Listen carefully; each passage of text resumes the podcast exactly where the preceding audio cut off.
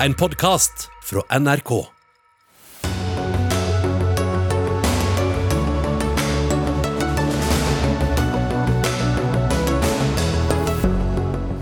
Våpen, våpen og våpen. Det var kravet fra den ukrainske utenriksministeren til Nato i dag. Og her hjemme har SV gått fra nei til ja når det gjelder å sende våpen til Ukraina. Næringsminister Jan Christian Vestre og Høyres Linda Hofstad Helleland mener begges partier har den beste næringspolitikken. Trenger du legevakt i Bergen, har byrådet nå bestemt at du må ringe og spørre om det er greit først. Det synes Høyre i byen er en dårlig idé.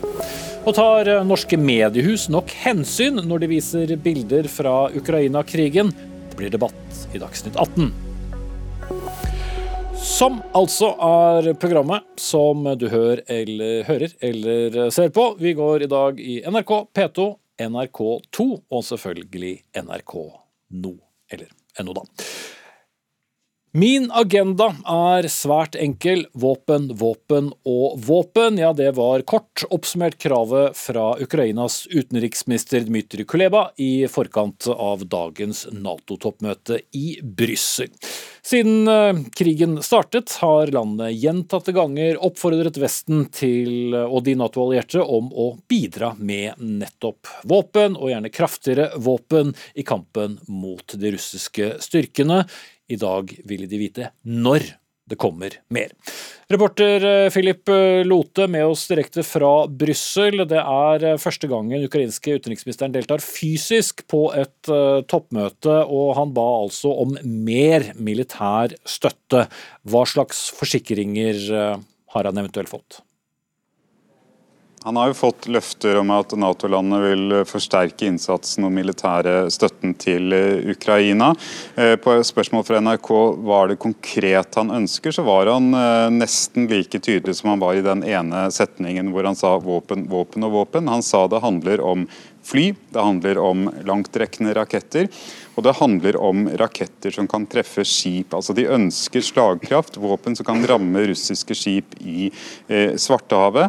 Eh, og de ønsker våpen som kan stanse en ny russisk fremrykning eh, øst i landet, i Donbas-regionen. Det er langs kysten og øst de nå tenker, og de fleste tror, og russerne for så vidt selv har sagt, at det vil komme eh, en ny, større russisk offensiv. Men så er Nato-landene og Nato veldig forsiktige med å gi noen detaljer om akkurat hva de vil gi. Det er litt opp til hvert enkelt medlemsland, og samtidig så er de da ikke sånn at de ønsker å gi noen opplysninger som kan tjene russerne. Så Det er jo informasjon de ikke deler offentlig. Mm. Det har også vært da, to pressekonferanser, eh, eller pressemøter, Kuleba, og så har jo Jens Stoltenberg både møtt internasjonal og, og, norsk presse nå rett før eh, vår sending startet, Filip. Men mens uh, Ukrainas utenriksminister er veldig konkret så, og, og, klar i sine krav, så, så må Natos generalsekretær uh, ja, ordlegge seg noe mer forsiktig. Ja, for det første så kan han ikke love noe på vegne av enkeltlandene. og Det var jo også Koleba ganske tydelig på, at eh, Nato er et bra sted for å snakke med alle landene. Eh, som en koordinerende plattform så, så, er det mer effektivt å snakke med hvert medlemsland. og Det er noen land eh, det er lettere å få mer hjelp av.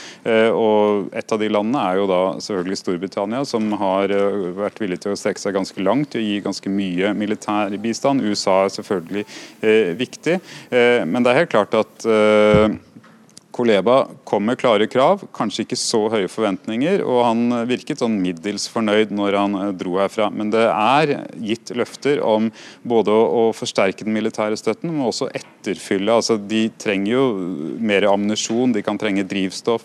Det er mye de kan trenge bare for å opprettholde eh, motstanden de gir på det nivået de har gitt til nå. Og så vil de jo trenge mer hvis det kommer en større russisk offensiv.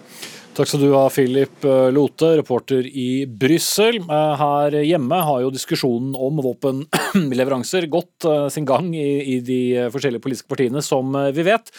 Men et parti som nå har snudd fra nei til ja, er SV, som i dag kunngjorde at de likevel er for leveranser av våpen til Ukraina. Og partileder Audun Lysbakken, hvorfor har dere snudd, og hva, er årsaken til at det altså, rett og slett nå er blitt et flertall i partiet? En viktig grunn til det er jo rett og slett eh, hvordan denne krigen utvikler seg. Det har blitt veldig tydelig at det er den uh, ukrainske militære motstanden som er det største hinderet for at uh, Putin kan gjennomføre sine planer om å legge unna seg land. Det er en klassisk imperiekrig vi ser her, utført av et høyrenasjonalistisk diktatur som kjemper mot alt det vi på venstresiden er glad i.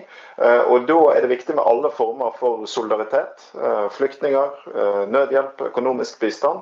Men vi har også sett at i denne helt ekstraordinære situasjonen så er Ukraina sin rett til å forsvare seg sjøl, den er avhengig av hjelp utenfra.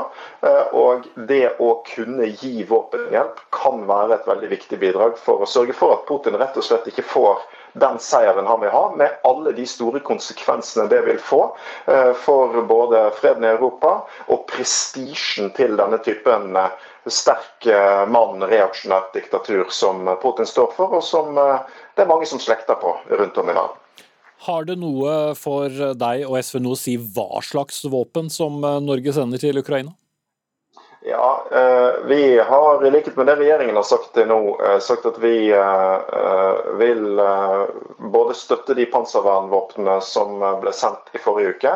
At vi åpner for å støtte kommende våpendonasjoner. Vi har pekt på defensive våpen, altså våpen til bruk i forsvaret av landet. Vi, vi må selvfølgelig diskutere både i lys av hvordan krigen utvikler seg, og Eh, i lys av hvilke våpensystemer som blir aktuelt, eh, vårt syn.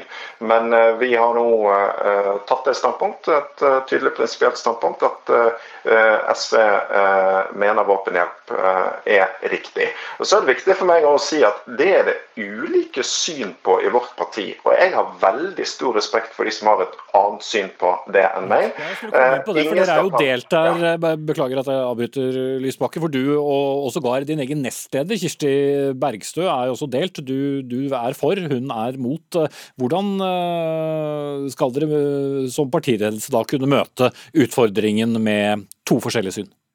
Det går veldig bra. Altså Nå har vi jo et tydelig vedtak. Det er partiets politikk. Flertallet må bestemme. Men det er også sånn eh, at det er helt naturlig at det finnes eh, to syn i vårt parti i en sånn sak. Eh, det er ikke noe enkelt valg for noen å sende våpen til et land i krig. Og vi er enige om det viktigste, nemlig solidaritet med ukrainernes frihetskamp og alle de andre tiltakene SV jobber for at Norge skal gå inn for økt solidaritet med flyktninger, kraftigere sanksjoner mot oligarkene osv.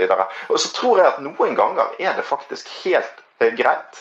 Og jeg tror folk har stor forståelse for at en viser fram at det er dilemmaer, at det er ulike syn i et parti. Og i møte med et dilemma som det her, så tror jeg egentlig at folk setter litt pris på det. Istedenfor at vi glatter over og, og later som om ulike syn ikke finnes. Mm. Dette er jo ikke første gangen det har vært eh, debatt innad i eh, SV i forbindelse med krig eller norsk deltakelse. Snorre Valen, du er ansvarlig redaktør i Trønderdebatt, men også tidligere nestleder i, eh, i SV. Her snudde altså flertallet på en drøy måned. Men hvor opprivende kan en sak som dette være for, for SV? I historisk sammenheng så kan det jo være veldig opprivende, men samtidig så forteller jo saken her litt om hvor Altså, Saken er mindre spesiell for SV enn det SV sjøl gir inntrykk av. Eh, SV har støtta eh, Kosovo-krigen i, i, 1999, også under sterk konflikt internt i partiet. Eh, deltakelsen i Afghanistan, som partiet etter hvert snudde på. Så Gjennomgående så fører jo krig, konflikt og Norges rolle i det til mye debatt internt i SV. og Sånn kommer det sannsynligvis alltid til å være. Og Samtidig er det ikke så overraskende heller at partiet har snudd i løpet av den siste måneden. sånn som i hvert fall jeg forstår debatten som har gått internt i partiet de siste fire ukene. Mm. Ville det da vært vanskeligere for SV å stått på det opprinnelige vedtaket fra, fra begynnelsen av mars, gitt den utviklingen som, som har vært i, i krigen og de eh, sivile overgrepene og tapene vi har sett? Jeg mener jo det, og mange som ser partiet utafra, gjør nok det. Eh, samtidig så har jeg inntrykk av at eh, mange av de som snudde i SVs landsstyre, gjorde det nettopp fordi det ble vanskelig å forsvare at Norges rolle først og fremst skal være å gi annen bistand, når ukrainerne sjøl er så tydelige på at det er eh, våpenleveranser som står øverst på deres ønskeliste, og det er det de snakker mest om. Men samtidig så, så det, har det også vært interessant å følge med på hvordan denne debatten eh, sprenger en del akser og, og, motsetninger i et parti som SV. Da. Det er eh, ikke noen sånn høyre-venstre-konflikt i partiet. Det her. Det er eh, tidligere motstandere som er skjønt enige om at våpenleveranser er riktig, og det er gamle og nære allierte som er dypt uenige om, om, eh, det er rett å gjøre. Mm. Dermed er det også bare ett parti igjen på Stortinget som er klart mot eh, norsk våpenleveranse her, og det er partiet Rødt. Eh, Audun Lysbakken, frykter du at dette kan bety en viss form for velgerlekkasje mot Venstre? Nei, for det første så eh, er dette en uh, situasjon som vårt parti takler godt. Det er ikke høyt konfliktnivå internt. Man er nødt til å ta vanskelige beslutninger i vanskelige situasjoner. Og så tror jeg at vi har veldig mange av venstresiden sine velgere med oss. Uh, jeg tror ikke det er sånn at de fleste av venstresidens velgere eller venstreorienterte mennesker i Norge er mer enig i Rødt sin posisjon. Jeg tror tvert imot at svært mange er enig i det jeg har sagt i dag. Eh, det er utrolig viktige verdier for venstresiden som står på spill. Eh, og jeg tror mange òg vil sette pris på den eh, posisjonen SV nå har tatt. Så takk til deg, partileder i SV Audun Lysbakken og ansvarlig redaktør for Trønderdebatt Snorre Valen. Og så skjer det også ting underveis her. Verdenssamfunnet fortsetter med sine sanksjoner, og siste melding nå i ettermiddag er at FNs generalforsamling utviser Russland fra Menneskerettighetsrådet. Den russiske representanten hadde i forkant oppfordret medlemslandet til å stemme imot dette forslaget, og kalte en eventuell utvisning for en farlig avgjørelse. Men 93 land stemte for å kaste dem ut. 24 fire stemte mot, mens 58 lot være å stemme.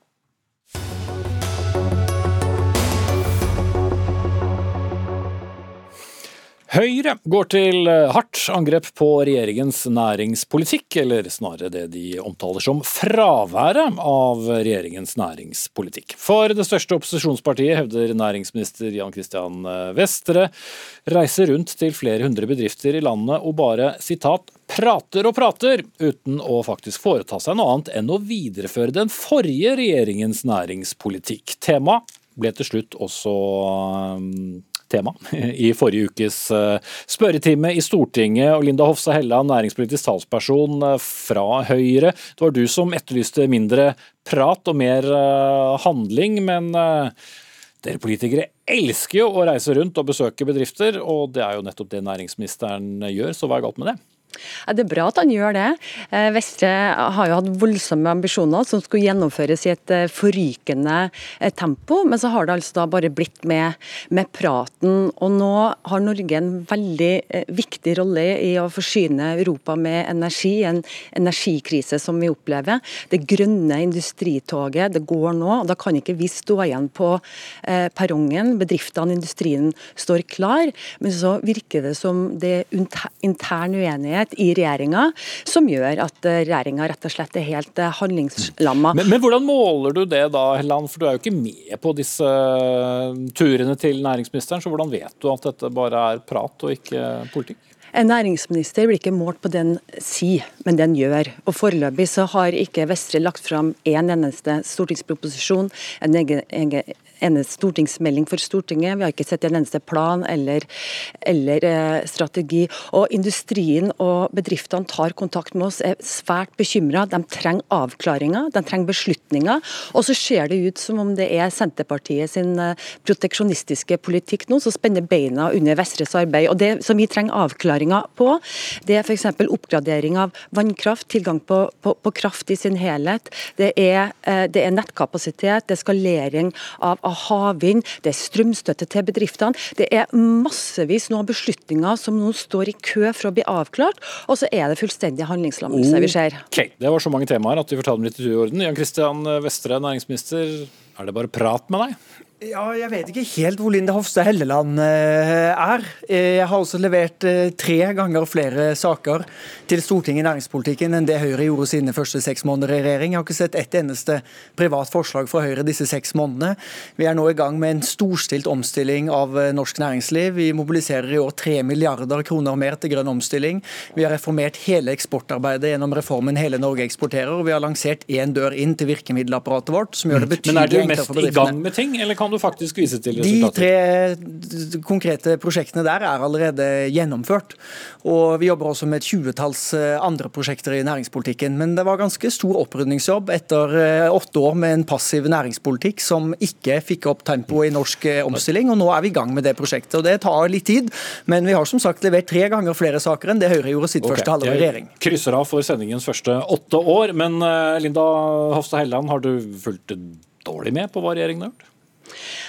Absolutt ikke. og det, er jo ikke sånn at det er kommet en egen sak til Stortinget. Det som næringsministeren har gjort på, på eksport eksportreformen, som man sier. Det er en pressemelding på Næringsdepartementets side, og en liten sak nå i strømpakken som vi behandler i Stortinget, der man har endra navnet på Eksportstrategirådet. Man har flytta det fra Ålesund inn til Oslo, og flytta det inn under departementet. Eh, sånn at det er jo en reversering eh, som næringsministeren eh, gjør. Men vi savner jo handlekraft. Og f.eks. nå på, på havvindsatsing, det er jo ikke måte på hvilke ambisjoner Vestre har hatt. Og når man du skal få komme til ordet, men må, vi må bare prøve å styre debatten litt. For du, du kommer med mange ting. Skal vi ta den saken du mener er aller viktigst for deg å få svar uh, fra næringsministeren uh, på, og så får heller forsøke å ta resten i tur og orden?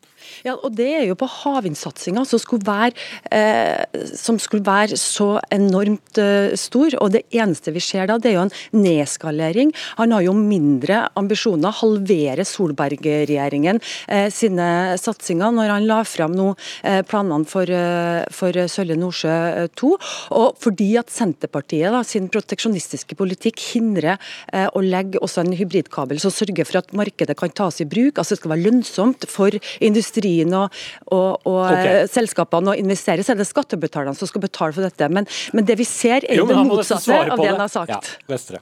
Jeg vil veldig gjerne diskutere havvind med Høyre. Det ble ikke satt i gang én en eneste flytende havvindturbin med åtte år og Høyre-styre. Nå er vi i gang med en storstilt utbygging. Høyre sin plan var å komme i gang i 2030-2031.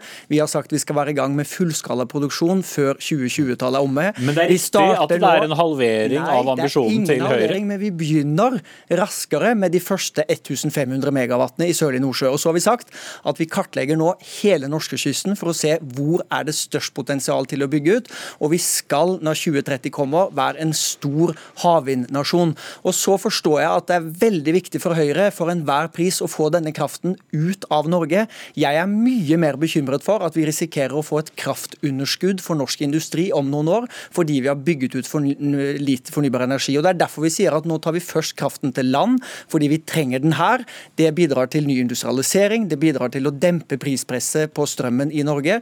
Og så kan vi vi vurdere å være med i et nordsjønøtt og et europeisk samarbeid senere. For Høyre er det mye viktigere å få krafta bort. Det er det ikke for eh, oss. Og så må jeg bare si at Det er jo andre forskjeller i næringspolitikken nå som vi egentlig skulle diskutere. Det handler f.eks.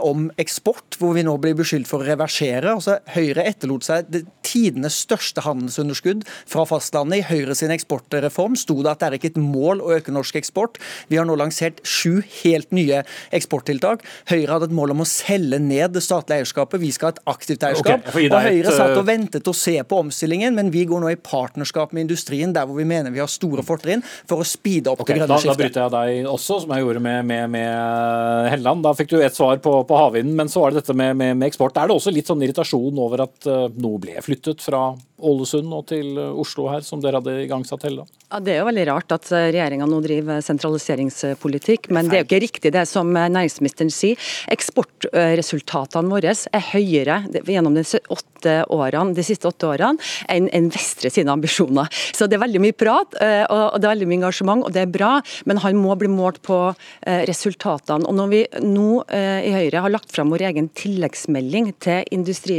energimeldinga med helt konkrete forslag, avklaringer, beslutninger som kan, som kan tas, så er det jo ikke riktig at ikke Høyre jobber med næringspolitikk, industripolitikk hver eneste dag. I morgen så håper vi at regjeringa legger frem sin tilleggsmelding til energimeldinga, hvor hele industrien, hvor hele norsk næringsliv og oss i Høyre nå har skyhøye forventninger til helt nødvendige avklaringer.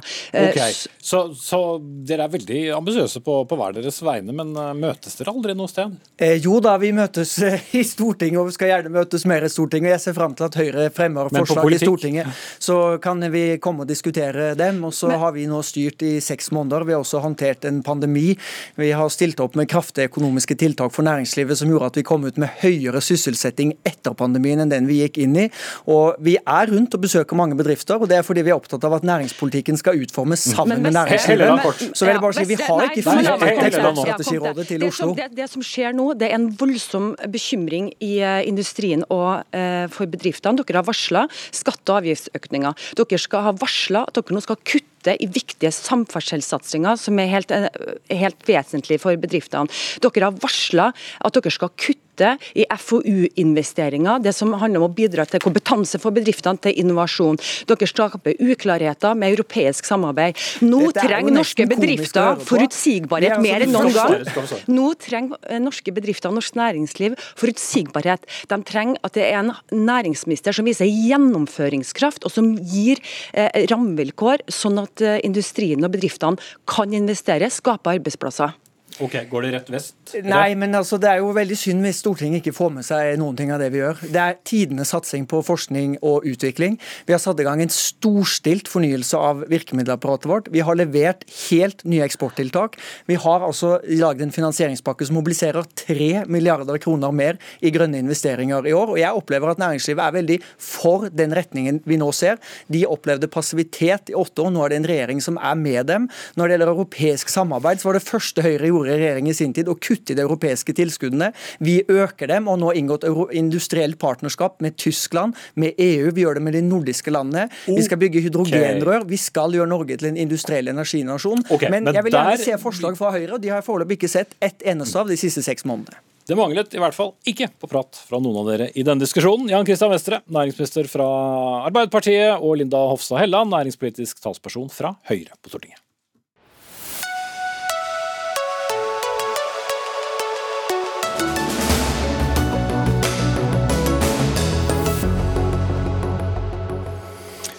Skal uh, handle om uh, politikk og lønnsomhet nå. Hvite middelaldrende menn bidrar, bidrar, mest til fellesskapet, mens kvinner i snitt er et uh, underskuddsfenomen. Ja, ordene er ikke mine, men overskriften var nylig å lese i Nettavisen, skrevet av sjefredaktør Gunnar Stavrum. Han gjengir i artikkelen tall fra Statistisk sentralbyrå for å vise at kvinner bidrar mindre økonomisk til samfunnet enn menn, og konkluderer altså deretter. Tuva Moflag, stortingsrepresentant fra Arbeiderpartiet. Du sa da at herved er kvinner redusert til en ren utgiftspost. Var det bare det du leste ut av det? Jeg syns at Gunnar Stavrum her eh, ser eh, veldig snevert på den rapporten som SSB har kommet med, eh, og ikke ser på kvinners bidrag inn i velferdssamfunnet. Vi vet jo at veldig mye av forklaringa på hvorfor kvinner da betaler mindre skatt inn til fellesskapet, er fordi kvinner har jobber som er dårligere betalt, og fordi kvinner ofte blir avspist med små stillingsbrøker. Og Da mener jeg at det er en veldig snever tilnærming til den rapporten som SSB kommer med. Jeg syns at Gunnar Stavrum er eh, polariserende. Og når han kaller det en brannfakkel fra SSB, så mener jeg at det heller er Gunnar Stavrum som gjør dette til en brannfakkel og prøver å sette fyr på debatten. Ja, Gunnar Stavrum, eh, du mener jo da på din side, for dere har jo nå drevet og skrevet mot hverandre på, på Nettavisen i noen runder. Du, du sier at Moflag har et ideologisk bind for øynene. Hva slags bind for øynene er dette? Eh, det er jo det at hvis du, skal, hvis du skal løse noen problemer, så må du begynne med å se hva som er problemet. Og det, som er, og det er kvinner? Det som er Problemet her er at vi har bevilga oss velferdsordninger som er så dyre at ikke de lar seg finansiere av det vi betaler i skatter og avgifter. Og Det Statistisk sentralbyrå har gjort, det er gått og sett på konkrete grupper, ikke bare kvinner og menn, men også aldersgrupper og eh, innvandrerbefolkning i i forhold til folk som er født i Norge. og vist eh, hvem er det som mottar mye større ytelser fra det offentlige enn de betaler inn. Eh, og Summen er det, det gjelder ganske mange, men hvis ikke vi gjør noe med det, så kommer to en, en, ting til å skje. Vi kommer til å kutte disse offentlige velferdsordningene fordi vi ikke har råd til å finansiere dem. Men eh, jeg vet du er jo glad i økonomi, og kan økonomi også. Litt av forklaringen er jo også at har du lavere lønn, så betaler du mindre skatt. Hvis menn hadde vært i de yrkene som kvinner er i, ville du da snudd overskriften din og sagt at menn var et underskuddsfenomen? Hvis det hadde vært sånn at, at, menn hadde bidratt mindre til fellesskapet enn de fikk i ytelser, så hadde jeg selvfølgelig skrevet det. Men, det jo, men vi må skille mellom på en måte fastslå hva som er problemet og hva som er virkeligheten, eh, og hva vi skal gjøre med det. Uh, og den, Den første artikkelen vi gikk på å beskrive hva som er virkeligheten. Det vi har diskutert etterpå, er hva vi eventuelt skal gjøre med det. Mm. Og det er jo det dere politikere skal gjøre, da? Uh, men dere kan jo ikke si til kvinner at dere må slutte å jobbe i lavtlønnsyrker heller? Nei, og så lurer jeg på om Gunnar Stavrum mener at vi skal be kvinner om å slutte å jobbe i barnehage, eller be kvinner om å slutte i sykehjem, om det bidrar til mer velferd. Poenget er at kvinner produserer den velferden som både menn og kvinner nyter godt av. Eh, kvinner produserer jo denne velferden til en lønn som er lavere enn det menn får i yrker med tilsvarende utdanningsgrad. Og jeg syns at det er helt fraværende i Gunnar Stavrum sin tilnærming her. Hva Men han har vel ikke feil i kroner og øre, da, at så lenge du jobber i et yrke med lavere lønn, betaler du også mindre skatt. Så slik sett så er jo sammenligningen hans riktig? Når vi ser på lønn og skatt isolert sett, så er det regnestykket helt eh, riktig, det. Men poenget er at velferd handler ikke bare om skatt. Det handler om hva man bidrar med i samfunnet, hvilke yrker man også jobber i. Og det er også sånn at eh, kvinner, eh, faktisk, hvis de er pårørende, hvis du har en datter som er pårørende, så får man gjerne mindre hjelp fra det offentlige enn hvis man har en sønn som er pårørende. Disse diskusjonene må vi også ta. Det er interessante problemstillinger fra et likestillingsperspektiv, men også hvis vi skal se på bærekraften i velferdsstaten, som jeg oppfatter at det er den eh, diskusjonen Gunnar Stavrum prøver å ta her nå. Men det er jo ikke det Gunnar Stavrum starta med. Gunnar Stavrum starta med å redusere kvinner til en utgiftspost, og det er en diskusjon som vi rett og slett ikke kan nå, akseptere. Nå kan alle navnet, men... Det du sier nå er bare rett og slett tøys. Det jeg begynte å skrive om, det var finansiering av velferdsstaten. Hvem skal betale for dette spleiselaget, og hvem spiser dette spleiselaget? Og så er det ganske godt dokumentert at kvinner i snitt får mye større ytelser enn de betaler inn til fellesskapet. Det, det er økonomi og penger og fakta. Så, så, sier du at ok, det er ikke kvinners skyld at de jobber i lavtlønnsyrker. Så tenker jeg nei, det er delvis er det kvinners skyld at de det velger at, ikke, Delvis er det, er det kvinners skyld hvis de velger å gå inn i lavtlønnsyrker og velger veldig tradisjonelle yrker. Så eh, Det første som må skje på individuelt basis, det er jo at kvinner min datter og andre døtre bør eh, utdanne seg til yrker som er godt betalt. F.eks. heller bli ingeniører og økonomer enn å bli sykepleiere. Det neste er ditt ansvar, nemlig hvorfor lønnes folk i offentlig sektor? Barnehageansatte nevnte du, sykepleiere. Akkurat nå har vi et lønnsoppgjør for offentlig ansatte. Det er du som bevilger penger. Det er Arbeiderpartiet som har satt i regjeringsmakt i de fleste periodene etter krigen. Det er jo dere som har ansvar for et system hvor de er lavtlønte og jobber mye deltid. Det er jo ikke min feil at jeg påpeker at det er sånn. Eh, det blir jo ikke mye Jeg er sjøl siviløkonom for øvrig, men det hadde ikke blitt mye velferd hvis alle var økonomer og ingeniører. Eh, de som leverer inn til velferdstjenestene våre, er kvinner som jobber i barnehager, som jobber i skole, som jobber i sykehjem. Det må inn i det regnestykket som Gunnar Stavrum setter opp. Hvorfor vil du ikke betale det mer lønn, da? Det er jo du som sitter og bevilger penger til forskjellige ting. Hvorfor vil jeg ikke bevilge mer penger til offentlig ansatte? Gunnar, eh, du vet veldig godt at det er eh, partene i arbeidslivet som har ansvaret for lønnsdannelsen i Norge. Det som er vårt politiske ansvar, er å legge rammebetingelser for dette. Vi har sagt at vi skal øke ramma til kommunene, vi har sagt at vi skal øke budsjettramma til sykehusene. Sånn sett så tar vi vårt politiske ansvar.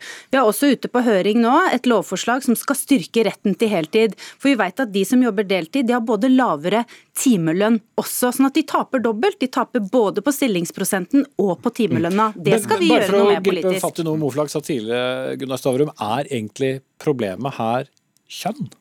Som er det du har som utgangspunkt. Og for å si det sånn, det er flere enn Tuva Moflag som har tatt kontakt og ville ha deg i studio. altså, alle, alle, sosiologiske og økonomiske forhold er på en måte sammensatt av mange ting. Det, noen ting er individuelt, noen ting er sosialt, kjønnsroller i familie, noe strukturelle ting. Og det, Denne saken her på en måte har jo mange forklaringer, eh, men problemet er der fortsatt. Og Problemet er at, er at vi har en velferdsstat som ikke finansieres av de som mottar tjenestene. og Hvis vi ikke gjør noe med det, enten for å produktiviteten jobber mer, eh, eller, eller så må vi kutte i offentlige tjenester. og Det er det som er poenget til Statistisk sentralbyrå. Mm. Men det er jo også kvinner som jobber oftest redusert stilling frivillig?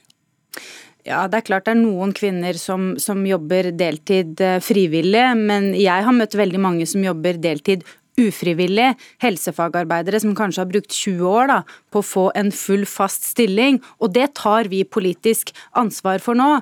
Men det er kvinner som gjerne jobber i den velferden da, som vi alle skal nyte godt av. Og da skal vi ikke shame dem for å tjene mindre for å bidra inn i de yrkene i tillegg. Vi må jo sørge for at de får hele, faste stillinger, gjøre noe med det eh, lovverket, og faktisk sette pris på den innsatsen de gjør i velferdsstaten. Og så skal vi være med på en diskusjon om vi har har god nok finansiering for den velferden vi har, men den diskusjonen må vi ta med et annet utgangspunkt enn i kjønn. Vi må ta den med et utgangspunkt i at faktisk velferdsstaten er underfinansiert. Men det er veldig, jeg synes det er litt artig når du sier at jeg polariserer. Altså det, det, er jo Hvert år så feires liksom dagen hvor kvinner jobber gratis resten av året. den feirer vi ikke. Den markeres, markeres hvert år. Men det er, også, det er akkurat like tåpelig. Det er veldig klar polarisering. Og, de, og, Den gruppen som på en måte dere polariserer mot, er jo de som betaler mest skatt. Altså Folk som har eh, høye lønninger, har høye formuer, er bedriftsledere. De skal flås for at det skal nå da det vanlige folks tur, som de sier. Det er jo en veldig klar polarisering. Så du, du kan ikke sitte her og late som om du er liksom eh, fri for polarisering. Ok, bitt middelaldrende mann. Polariserte i hvert fall bitte litt på slutten der. Takk skal du ha, Gunnar Stavrum, redaktør i Nettavisen, og Tuva Moflag, stortingsrepresentant fra Arbeiderpartiet.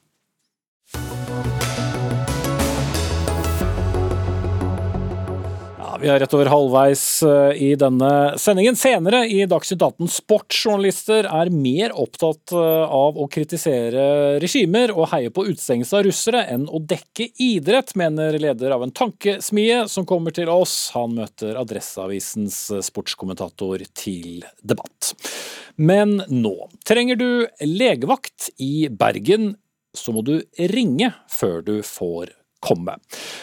Det er ny eh, ordning som ble igangsatt eh, denne uken. Eh, litt av poenget er også at flere kan få veiledning på telefon, og ikke skal måtte, komme fysisk på legevakten. Den samme ordningen finnes i flere byer, herunder Trondheim, hvor dette ble innført for flere år siden. Men dere i Høyre har allerede konkludert med at dere er negative. Harald Viktor Hove, gruppeleder for Høyre i Bergen. Hvordan kan dette allerede være en dårlig idé? Problemet er jo at erfaringene fra Trondheim tyder på at man ikke får svar etter to minutter, som er kravet i forskrift.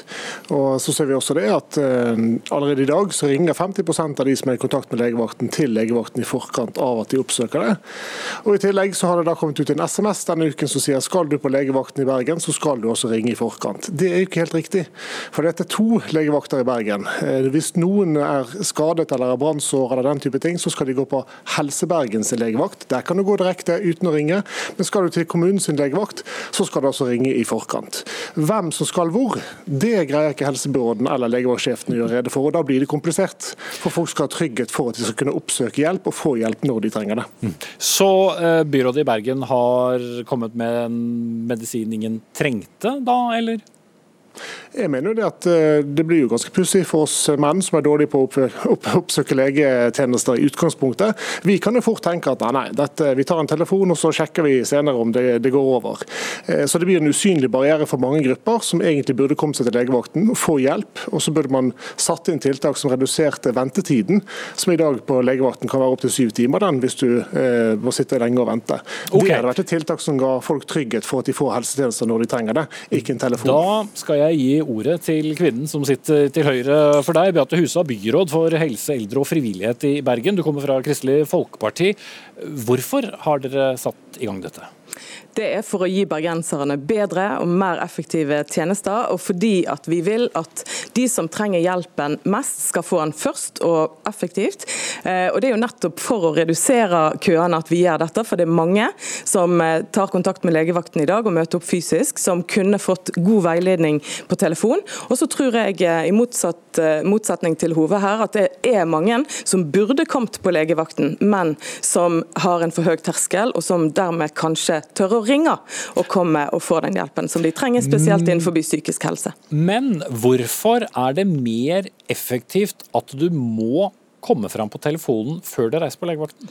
Det er fordi at veldig mange kommer til legevakten uten at det er nødvendig. Eh, og Hvis de ringer først, så kan vi veilede dem på telefon. For veldig mange er det nok. og Så kan vi henvise dem til eh, fastlegen dagen etterpå isteden, at de tar kontakt der.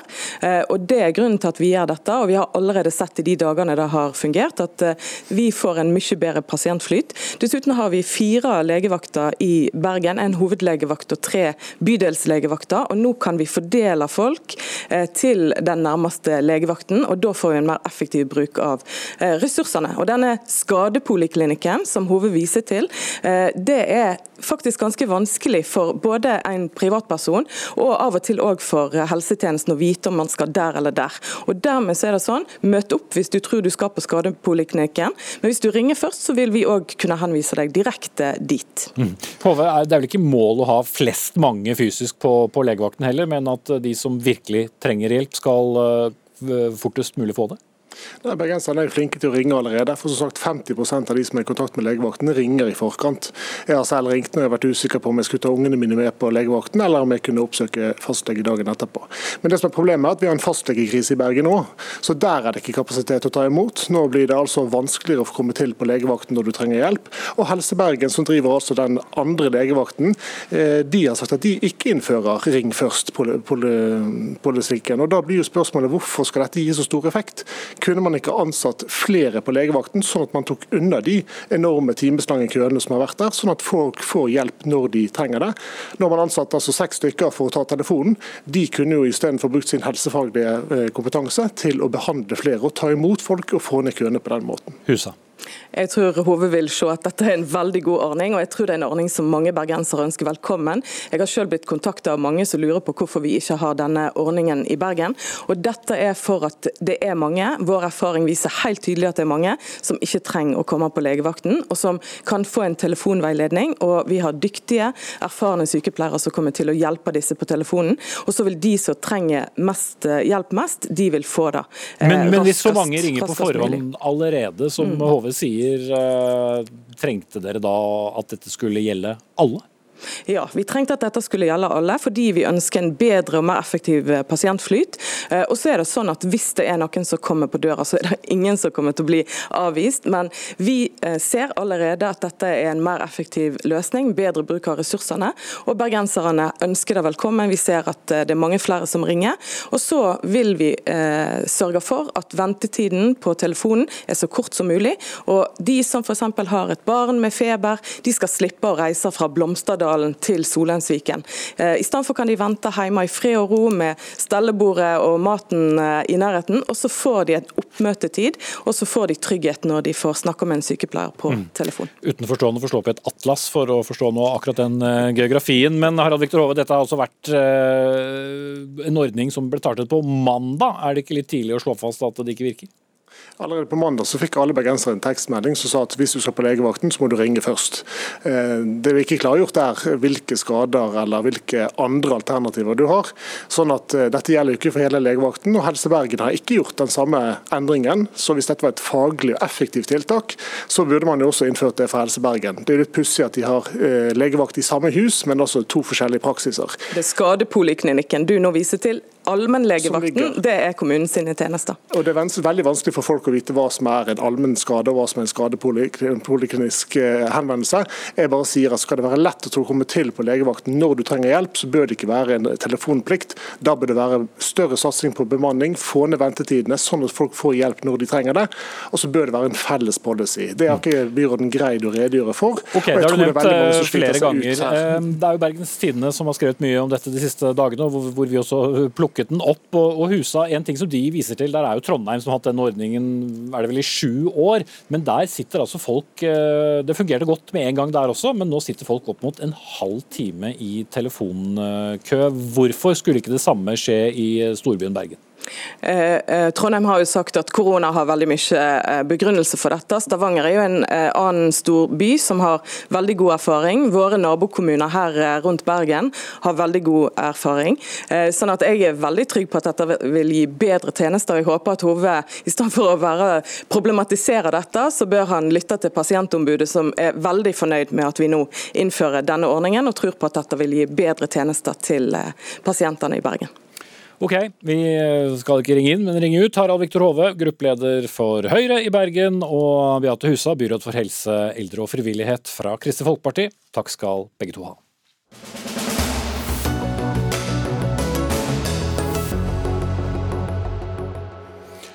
Så skal det handle om sportsjournalistikk i Dagsnytt 18. For hva er hovedoppgaven til sportsjournalister? Dekke idrett?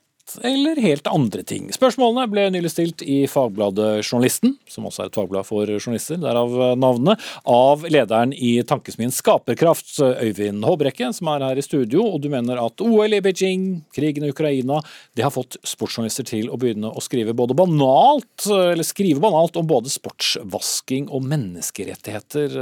Hva slags banaliteter er det som har dukket opp? Ja, eh, Sportsjournalistikken skal jo dekke både sport og alt som er omkring sporten. og Det kan jo være veldig mange forskjellige tema. Men jeg er veldig opptatt av at idrett er en møteplass. Det ser vi i ethvert nabolag i hele landet. I hver grend så ser vi det hver eneste dag. Idretten er en møteplass. Men det er jo det òg i det internasjonale samfunnet globalt, så er idrett en møteplass.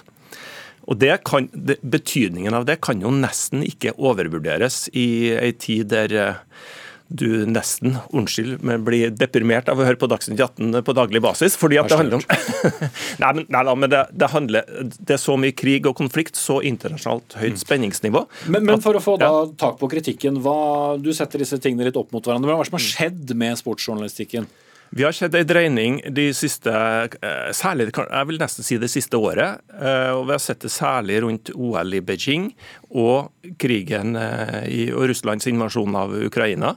Der man har gått over i en aggressiv tone i sportsjournalistikken.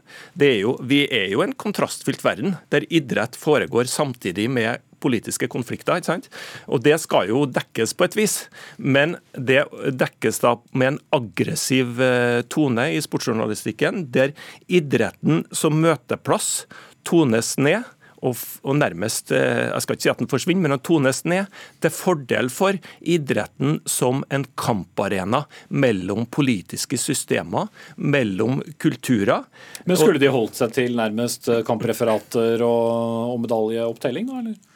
Ja, Det er jo et godt spørsmål, men jeg tenker jo at eh, når det f.eks. er et OL i Kina, et land med grove brudd på menneskerettighetene, da tenker jeg at norske medier, og jeg verdsetter at norske medier og redaksjoner da sørger for at vi ikke bare får sportsbegivenhetene, men vi får eh, vi får også se en større sammenheng og et land med grove brudd på menneskerettigheter, uigurer som undertrykkes osv. Det er bra. Men problemet er jo når man, sportsredaksjonene tar det dit, som f.eks. Aftenposten og VG, som har gitt klart uttrykk for at det er viktig at mesterskapet, at OL, ikke framstår som en idrettsfest. Det må ikke framstå som vellykka. Det er viktig at vi i norske redaksjoner fargelegger dette mesterskapet sånn at det ser, eh, ikke ser vellykka og bra ut. Fordi at eh, det er et regime bak som bryter menneskerettigheter. Og Da mener jeg da utfordrer man idrettens egenverdi, idretten som møteplass. Vi må kunne ha to tanker i hodet på en gang. Som er veldig populært i dette programmet. Du må få noe tilsvar her. Birger Løfaldli, sportskommentator i Adresseavisen, ikke av de to mediene som ble som ble nevnt her, altså. Eh, men dere får også eh, kritikk av, av Håbrekke. Skriver du og dine om ting dere ikke har greie på? Eh, det kan selvsagt diskuteres på kunnskapsnivå, og refleksjonsnivå og presisjonsnivå, men det her med et linjeskifte som Håbrekke snakka om, da jeg synes det er å snu ting på hodet. For at uh, Journalistikkens oppgave det er jo faktisk å se hele bildet. Enten det er sport, eller kultur, eller næringsliv eller alle felter i samfunnet. Og jeg ser jo tvert imot. Uh, jeg ser et linjeskifte, men jeg ser helt klart i positiv retning. Jeg syns slett ikke at det er mangel på kall kampreferat eller eh, saker om Haalands suksess på fotballbanen eller Klæbos suksess i skiløypa. Det er slett ikke mangelvare. Eh, det er heller mangelvare på eh, kritisk journalistikk rundt alt som skjer omkring. Eh, om det er pengestrømmer, om det er eh, regimer som bruker idretten til å, eh, til å styrke sin posisjon. Men Eh, det jeg syns er positivt, da, eh, som er tydeligvis eh, det motsatte av Håbrekke, det er at det skjer en positiv utvikling. Fra f.eks. Beijing-OL i 2008, fra Sotsji-OL i 2014 til nå. De gangene så virka den kritiske dekninga som vi ser mer av nå, litt mer som en plikt, pliktdekking. Det, det, var en del kritiske artikler i, i dagene før mesterskapet, og så ble det veldig veldig fokus på sport. Eh, I, i Beijing den vinteren her så var det mer gjennomført at vi, at vi fikk se uh, mer kritisk journalistikk, som er helt nødvendig gjennom hele mesterskapet. Okay. Litt likende med Qatar-saken. Da tar vi det som et tilsvar. Men Håbrekke, er egentlig din kritikk at det er feil journalister som skriver om, om feil ting? Det, skal ikke sportsjournalister skrive så mye om, om, om regimer og menneskerettighetsbrudd at det bør heller da være såkalte vanlige nyhetsjournalister som, som tar den jobben? Eh, jeg er i hvert fall glad for, altså jeg er jo langt på vei enig med Løfaldli, og er jo glad for at vi har sett en endring eh, gjennom de, de, årene som har gått. der vi har, Når vi nå har et OL i Kina eller eh, håndball-VM i Egypt, kan det gjerne være, og at vi da får en større kontekst og se at dette er faktisk et land med en kultur, masse flott, men òg grove brudd på menneskerettighetene. Men, men dekningen er banal? Ja, og det er jo Jeg må jo si at eh, det er et det slår meg da, når jeg leser nyheter i, i dag, så er det så leser jeg egentlig om de samme dilemmaene. Altså, hvem skal vi utestenge nå i krigen? ikke sant? Hvor langt skal vi gå i utestengelse, boikotter osv. Og, så og sanksjonering av eh, russere og hviterussere? Det, det, er akkurat de samme spørsmålene når, eh, i de politiske nyhetene, utenrikspolitiske nyheter, på kultursidene i avisene. Og så kommer jeg til sportsjournalistikken. og Da er det plutselig ikke dilemma lenger. Da er det plutselig ikke nyanser, og, og sånn, men da er det svart-hvitt. Og da er det bang. Jo mer utestengelse, jo bedre er det. Jo mer boikott, jo strengere sanksjoner, jo flere eh, Så du tar rett og slett for mye stilling? Eh, nei, Jeg må gjerne ta stilling, men, men, det vises langt flere nyanser av kulturjournalister og politiske journalister. Og det, det, det Kan Løfaldli svare på det, da? Ja. Ja, det, det, går naturligvis an å, å, diskutere. og så er det jo en forskjell på kommentarjournalistikk og nyhetsjournalistikk. Men det det handler om, det er jo å få fram eh, og belyse det her på, flest, på, best mulig måte. Og Hvis vi f.eks. Adresseaviser som dekker langrenn veldig tett, skulle ha sett bort fra Eh, Russland eh, og mulig utestengelse og hva vi skal gjøre med de russiske utøverne. Den vinteren her så har ikke vi gjort jobben vår. Eh, min jobb som kommentator det er å ta stilling til hva jeg mener er riktig. Og I nyhetsjournalistikken så handler det om å belyse det på mest mulig måte. På samme vis er det rundt Qatar og mulig boikott der, og hva som er mest fornuftig å gjøre. Så Eh, så jeg er ikke helt med på den, eh, på den argumentasjonen her. Men, men, har sportsjournalister de riktige forutsetningene for på den ene siden da å bedrive ren, ren klassisk sportsjournalistikk, og, og så stille spørsmål ved f.eks. politiske regimer og brudd på menneskerettigheter? Mitt inntrykk er i alle fall at det har blitt klart bedra de siste åra. Eh, det er Eh, det er tydelige stemmer som, som, både engasjerer seg og, og, har stor kunnskap om det. Og det er stor vilje fra store mediehus, eh, mer enn før, sånn som jeg oppfatter det, om å ta fatt i de spørsmålene her. Eh, og jeg synes jo at den journalistikken, som helt sikkert kunne vært bedre, som helt sikkert kunne vært grundigere, har bedra seg kraftig fra, fra 10-20 år tilbake. Ok, jeg må sette strek der, selv om jeg vet du gjerne vil svare på det. Så Håbrekke, Øyvind Håbrekke, faglig leder av Tankesmien Skaperkraft, og med oss fra Trondheim, Birger Rødfalli, sportskommentator i Adresseavisen.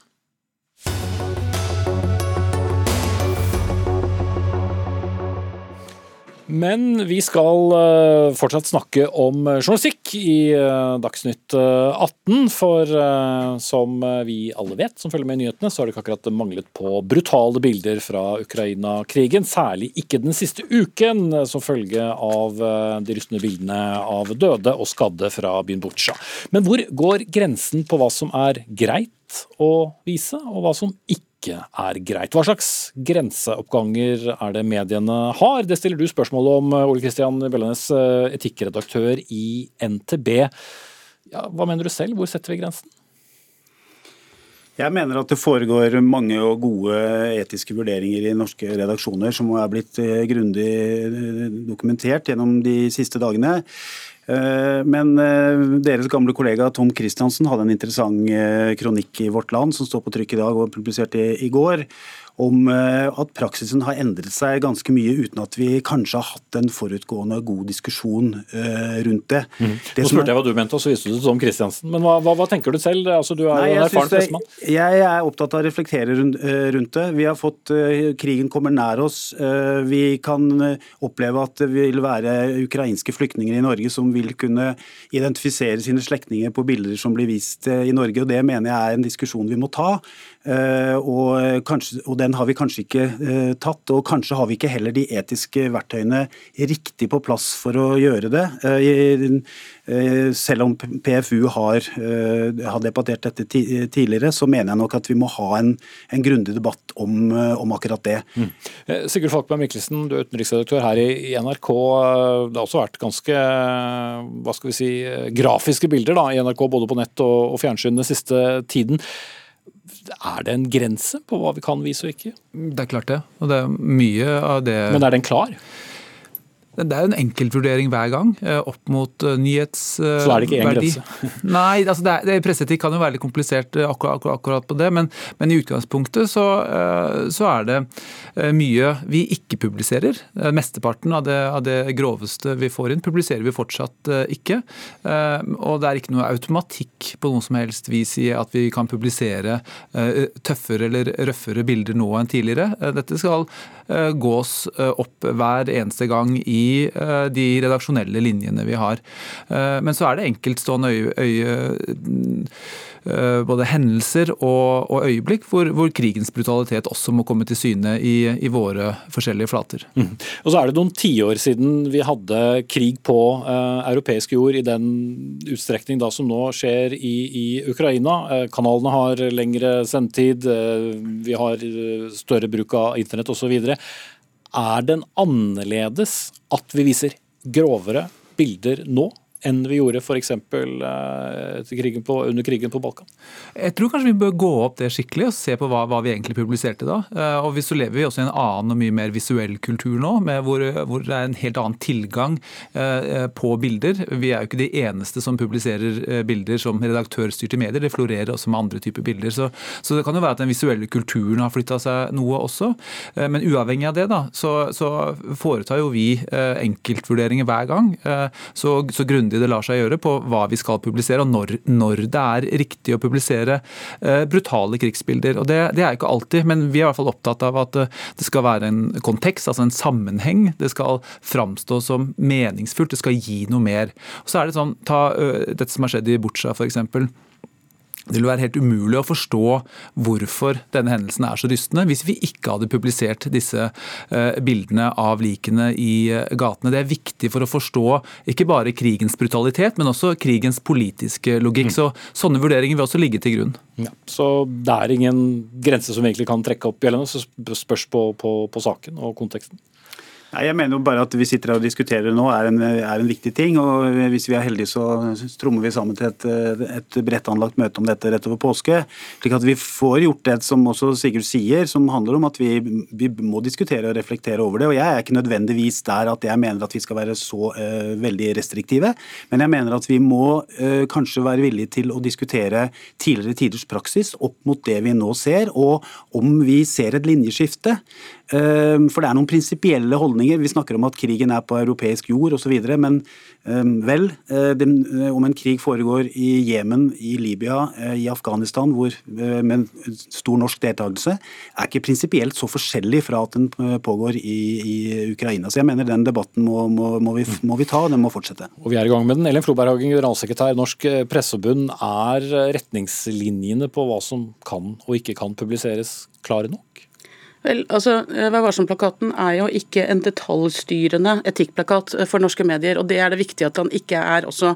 Og Her er det jo eh, satt to store hensyn opp mot hverandre. Det er hensyn til berørte, men også hensyn til seere, lesere, eh, lyttere på den ene siden. Og hensynet til dokumentasjon, til sannhet, til verifisering, til å, til å klarlegge krigens brutaliteter på den andre. Og hva som vil vekte tyngst i hvilke situasjoner, det vil alltid være et spørsmål konkret knyttet til den ene bildet og den ene eh, den konkrete saken og publiseringen. Og så mener jeg nok at eh, jeg syns det er bra vi har debatten. Den pågår nok i aller høyeste grad inn i alle redaksjoner som jobber med dette for tiden. Og så er jeg enig med eh, Ole Kristian Bjellanes i at vi bør ta den også på bransjenivå. Og hvorvidt vi har endret praksis sett opp imot andre, andre konflikter, andre kriger, er en viktig spørsmål. Men, men, jeg, men jeg er nok ganske trygg på at i redaksjonen organisasjonene, så gjør man grundige vurderinger. Mm. Det er ikke det samme som at det er riktige vurderinger? Det betyr ikke det samme. Men jeg kan vel, eh, ikke sant, jeg eh, tok en liten kikk hos oss i, i PFU uh, før jeg dro opp hit. Og altså Pressens faglige utvalg? Pressens faglige utvalg, uh, ja, For å se om har vi fått noen henvendelser på dette. Ligger det noen klager inne som jeg ikke hadde fanget opp? Det har ikke kommet noe på dette ennå. Uh, det kan selvfølgelig endre seg, og det kan definitivt endre seg i det øyeblikket f.eks. man publiserer et identifiserbart bilde, og det er noen pårørende som fanger opp det som det første ikke sant? som man hadde et eksempel på fra, fra New York Times for, for noen dager siden. Mm. Ja, og nettopp dette med det identifiserbare så er vi veldig, veldig varsomme. Men så tenker jeg det er også viktig å forstå at det er, det er også forskjell på publisering. Eh, det er noe annet å publisere det i en sammenheng, i en redaksjonell sammenheng, hvor vi forteller historien, vi forteller hva som har skjedd, og, vi, og sånn at folk og lesere og brukere kan forstå bakgrunnen, at det gir noe mer. Eh, det gir en, en, en dypere forståelse. Da, da, da syns jeg det er mulig å, å, å stå for en, en, eh, publisering av et eh, kanskje et veldig et brutalt bilde. Jeg, vel, jeg vil være mye mer var og ville aldri bruke det som et frontoppslag, bilde som en bakgrunn for studio, og ikke minst ikke som et sånn illustrasjonsbilde. sånn at Vi må være veldig vare på at vi, at vi hver gang tar de, tar de, ordentlige vurderingene. At det er et redaksjonelt valg hvis vi ønsker å publisere et, et, et, et så, så krigsbilde. Det så det handler ikke om å enten vise en død kropp eller ikke vise en død kropp? Bare for å få Ja, jeg tror ikke vi kan ha så, så absolutte regler, nei. Mm. Men er det flere døde mennesker tidlig på kvelden å se i nyhetssendingen? Vi snakket jo eh, tidligere, eller i mange år om, eh, om et sånn vannskille. At man viser mer varsomhet på hva du viser i Dagsrevyen klokken 19 enn du ville vist eh, i Kveldsnytt klokken 23. Ja, jeg tror det er en debatt vi må gå ordentlig, kanskje litt mer strukturelt inn i. Jeg tenker vel kanskje at øh, dette er en ikke høyttenkning, men, men, men i hvert fall en, en altså Det med smarttelefon og tilgang til bilder gjennom hele døgnet har kanskje endret noe av den holdningen. eller noe av det, Men vi vil fortsatt være mer varsomme i, på et tidlig tidspunkt av døgnet enn på et sent eh, tidspunkt eh, av døgnet. Mm. Floberhagen eh, ja. også Grønnes. Og det, og det, er jo viktig. ikke sant? Når man åpner vg.no, aftenposten.no, er det det første du ser, eller, er, eller må du inn? Kommer det med advarsler? Kommer det med å gjøre oppmerksom på? Kan du velge det bort? Alle de spørsmålene der er også etiske spørsmål redaksjonene må gjøre før publisering. Mm. Spør spørsmålet er jo om dette med tilfanget av bilder og uh, alle de plattformene som er tilgjengelige for alle, om det uh, taler for en mer restriktiv eller en mer liberal eh, praksis. Så, mener, så vil jeg, jeg, jeg, si at jeg har ikke gått gjennom eh, det som jeg har sett eh, hos andre og, og konkludert med at det er presseetiske overtramp eh, sånn som tingene er i dag. Og det er jo interessant å høre at det ikke kommer noen klager. Jeg mener nok at de nok fort kan komme. Det som jeg er opptatt av, er at vi eh, ikke skaffer oss en, en, plakat som er detaljstyrende på ingen som helst måte, eh, men at vi eh, debatterer og gir oss sjøl bed, enda bedre eh, verktøy for hvordan vi skal håndtere dette framover. Mm. Nå er det veldig kort tid igjen, men med Floberhagen som ble dratt opp, opp i utgangspunktet her, da, med flyktninger som nå kommer til Norge. Vi ville jo ikke vist bilder av en død kropp fra en bilulykke før f.eks. familien var varslet, mm. men vi viser det i en krig? Nei, Det første situasjonen ville vært et klart brudd på Vær varsom-plakaten. Eh, men ja, det ligger både i Vær varsom-plakaten dette kravet til informasjon, kravet til å fortelle befolkningen hva som foregår, og kravet til å ta hensyn til berørte og pårørende. Eh, og så er spørsmålet igjen, når du skal publisere eller ikke, det enkelte bildet, hva er det som vekter tyngst? Og det er en ekstraordinær situasjon. Ok, Jeg må sette strekk der. Elin Floberghagen, generalsekretær i Norsk Presseforbund, utenriksredaktør i NRK Sigurd Falkenberg Mikkelsen og etikkredaktør i NTB Ole Kristian Billenes. Vi er ved veis ende med Dagsnytt 18. Ansvarlig for det hele var eh, Gro Arneberg. Lisbeth Sellereite tok seg av det tekniske. Jeg heter Espen Aas. Vi er tilbake med ukens siste sending i morgen på samme tid og på NRK1 og NRK P2.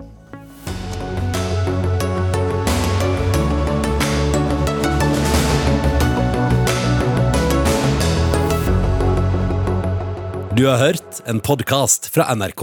Hør flere podkaster og din favorittkanal i appen NRK Radio.